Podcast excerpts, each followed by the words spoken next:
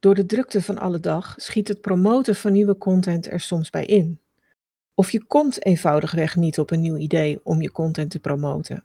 Daarom geef ik je in deze aflevering 7 tips waarmee je meer ogen en oren voor nieuwe content realiseert.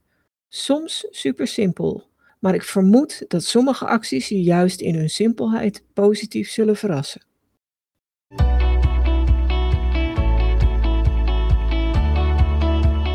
In deze aflevering wil ik je 7, soms supersnelle promotietips geven, waarmee je meer lezers, luisteraars en kijkers voor je content realiseert.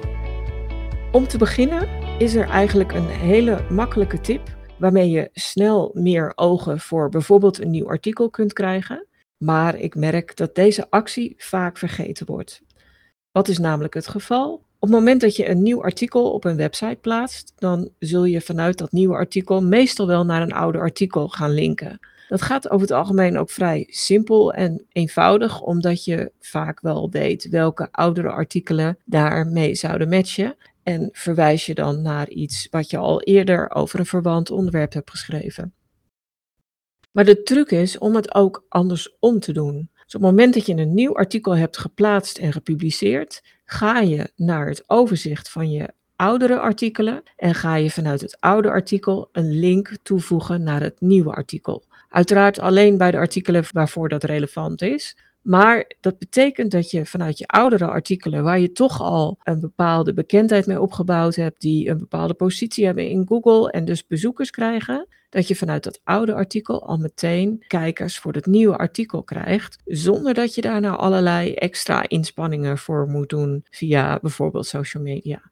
Dus op het moment dat je een nieuw artikel plaatst, ga even terug naar het overzicht van al je artikelen en al je berichten op je website en check welke oudere artikelen heel goed naar dit nieuwe artikel zouden kunnen verwijzen. Dat is actie 1. Is over het algemeen in 10, 15 minuten te realiseren. De tweede actie is bijna net zo snel en misschien nog wel sneller, afhankelijk van of je een tool gebruikt of niet. En dat is dat je nieuwe content altijd opneemt in je e-mailhandtekening. Er wordt heel wat afgemeld in het land, dus je e-mailhandtekening is een hele goede manier om mensen te wijzen op een nieuw artikel. En sterker nog, je gebruikt e-mail en die gebruik je over het algemeen voor mensen die je al kennen. En zit je in een bepaalde dialoog over een onderwerp. Maar omdat ze je al kennen, weten ze ook wie je bent en zullen ze je sneller vertrouwen.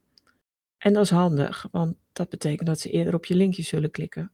Dus zorg dat het laatste artikel, het laatste blog, video of podcast in je e-mailhandtekening komt. En ben je zelf de afzender, dan is dat natuurlijk simpel te realiseren. Maar zit je in een wat groter bedrijf of organisatie, kijk dan voor welke mensen dit ook passend of relevant zou kunnen zijn om het in hun handtekening op te nemen. Moet je dat elke keer handmatig doen, dan is dat natuurlijk best wel een gedoe. Kan wel, als je, zeker als je maar met één, twee of drie mensen dit doet om bepaalde content te promoten, dan is het handmatig op zich nog wel te doen. Maar het is fijner om het automatisch te laten gebeuren. En dat kan met een handtekeningen tool als Wise Stamp.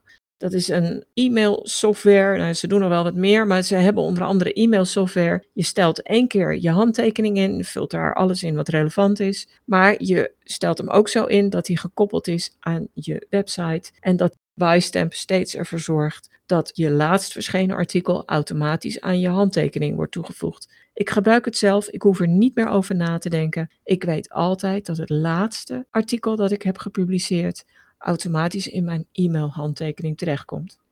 Promotietip nummer 3 gaat over je nieuwsbrief. Als je een nieuwsbrief hebt, zul je eigenlijk altijd een nieuw artikel daarin opnemen. En wat ik vaak zie gebeuren, is dat het maar één keer gebeurt. En dat is nou echt zonde. Want het is eigenlijk heel simpel om het twee of zelfs drie keer te doen. Terwijl je daarmee juist ook een servicegedachte hebt naar de lezer van je nieuwsbrief. Dus je bent niet aan het pushen, maar je biedt extra service. Hoe doe je dat? Je publiceert je nieuwsbrief, je zet daar je nieuwste artikelen in. Dat is de oude werkwijze die je waarschijnlijk altijd al doet. Maar wat je aan het eind van je nieuwsbrief kunt doen, is dat je ook even nog onder de aandacht brengt welke artikelen je in je vorige nieuwsbrief hebt gedeeld.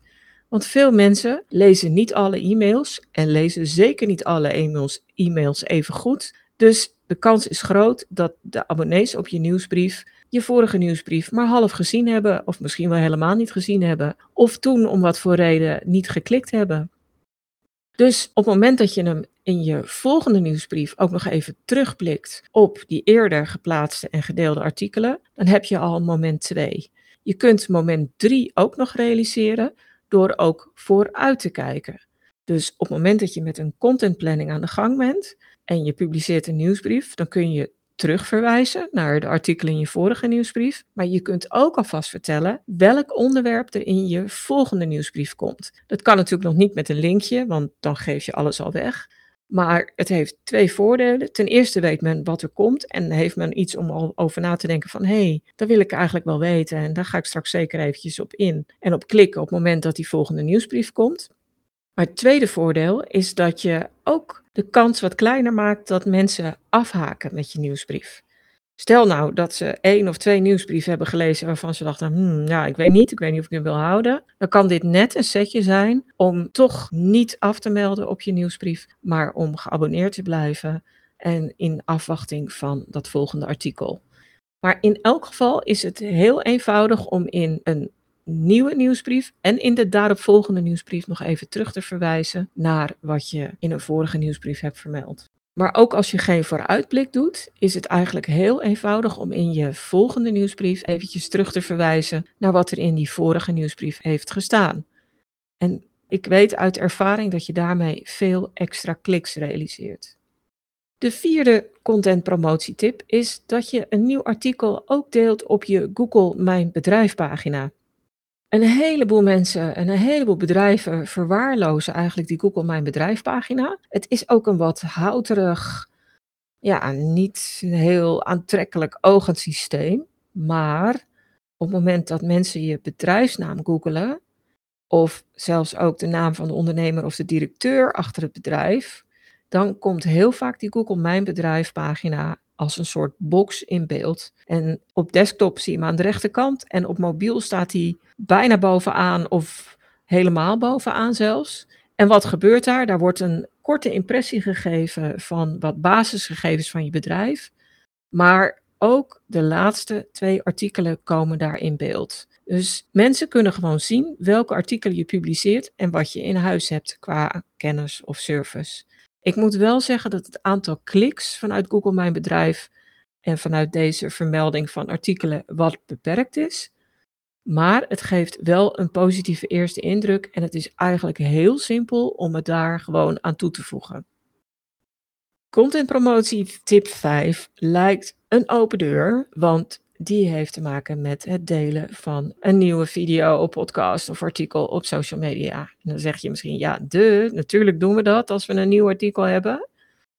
Maar ik durf te wedden dat je dan bijna altijd een praatje plaatje bericht maakt met een link.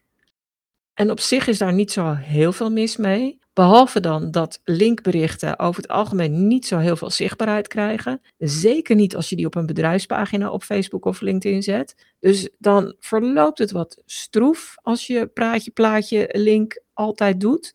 Wissel hem eens wat af en kies ook eens voor een ander format. En drie formats die vrij gemakkelijk te realiseren zijn, is bijvoorbeeld een hoge staande afbeelding.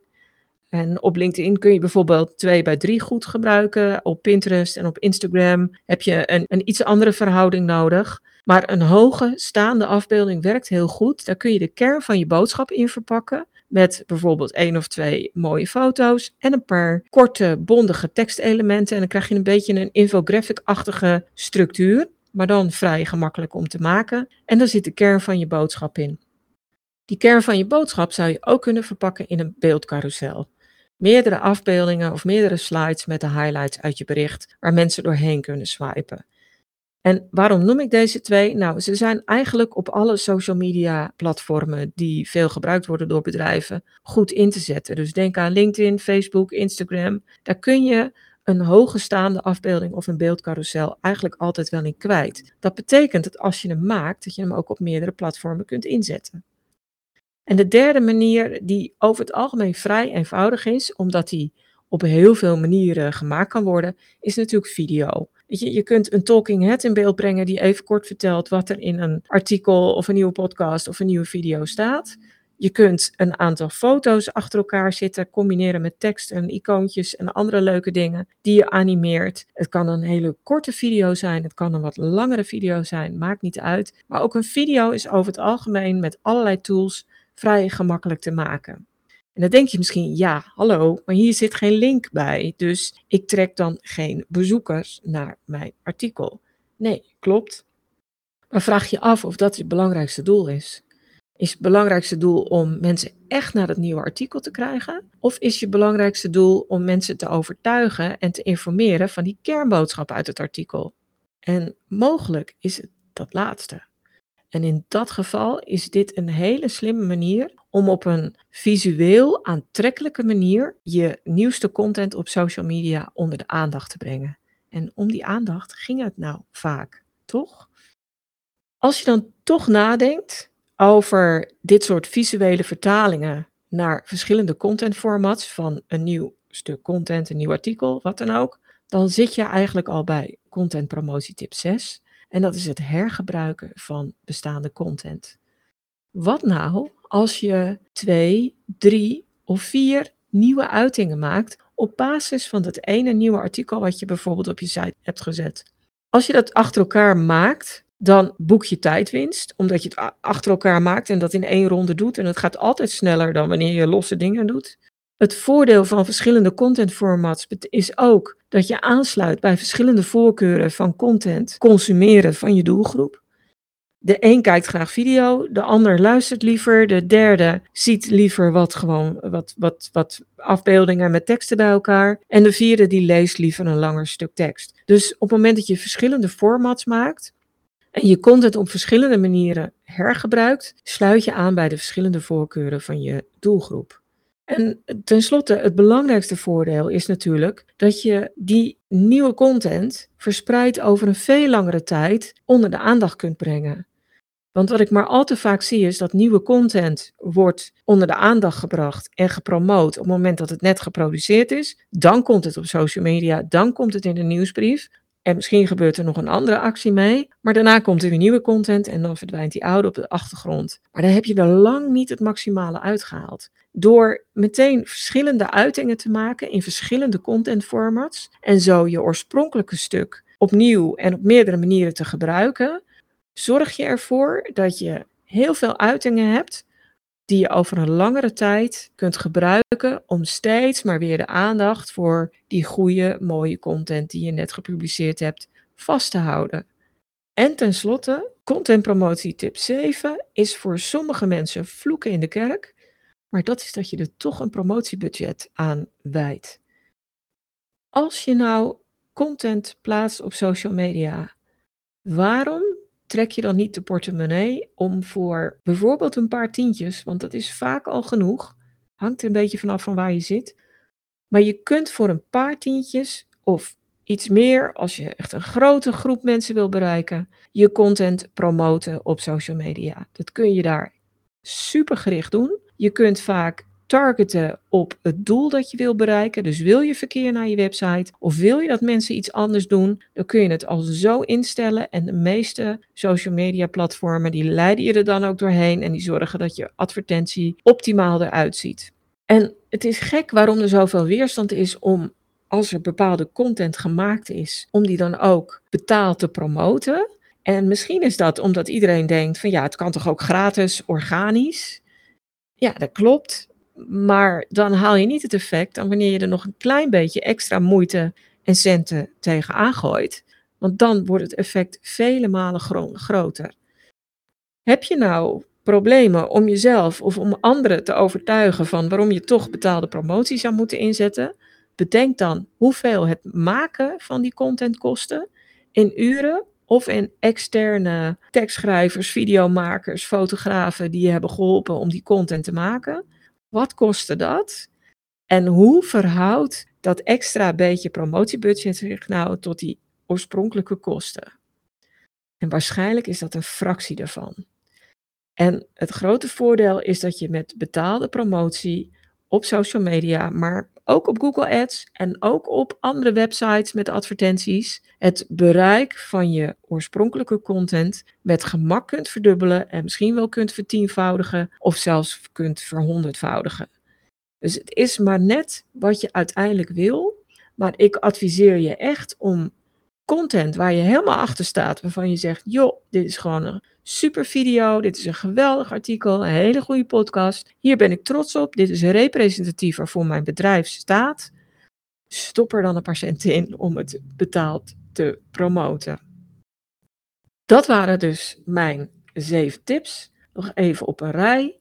Interne links aanbrengen van oude naar nieuwe artikelen. Zet nieuwe content in je e-mailhandtekening. Zet hem niet één keer in je nieuwsbrief, maar zet hem twee keer in je nieuwsbrief. Of doe ook nog die derde met een vooruitblik. Zet een nieuw artikel of een video ook op Google Mijn Bedrijf. Zet ze op social media, uiteraard, maar dan niet met een standaard linkbericht, maar kies ook voor andere formats, zeker als die visueel zijn. Zet in op het hergebruiken en het opnieuw verpakken van goede content naar net even andere formats en uitingen, zodat je veel langer en toch heel gevarieerd je content onder de aandacht kan brengen. En zeven, die vloeken in de kerktip. Kies af en toe ook voor betaalde promotie als je trots bent op de content die je net gepubliceerd hebt. Ik hoop dat je hiermee goed uit de voeten kunt. Ik denk dat je een aantal van deze tips eigenlijk in een half uur extra tijd nadat je bepaalde content hebt gepubliceerd al meteen kan toepassen. Andere kosten misschien ietsje meer, maar dan heb je ook extra veel rendement. Dus ik hoop dat je met deze tips veel meer ogen en oren voor je content weet te realiseren. Dankjewel voor het luisteren. Voel je zeker vrij om deze aflevering van de Content Divas podcast met anderen te delen als je denkt dat dit van pas kan komen. En heb je zelf een handige tip of inzicht opgedaan met deze aflevering, dan hoop ik dat je een review wil achterlaten. Heb je nog meer vragen? Zoek je meer informatie? Neem dan zeker een kijkje op de website. Die vind je op stroop.nl met dubbel S. En daar vind je natuurlijk ook die handige content kennisbank waar je allerlei gratis checklists, stappenplannen, handleidingen en nog veel meer kunt vinden.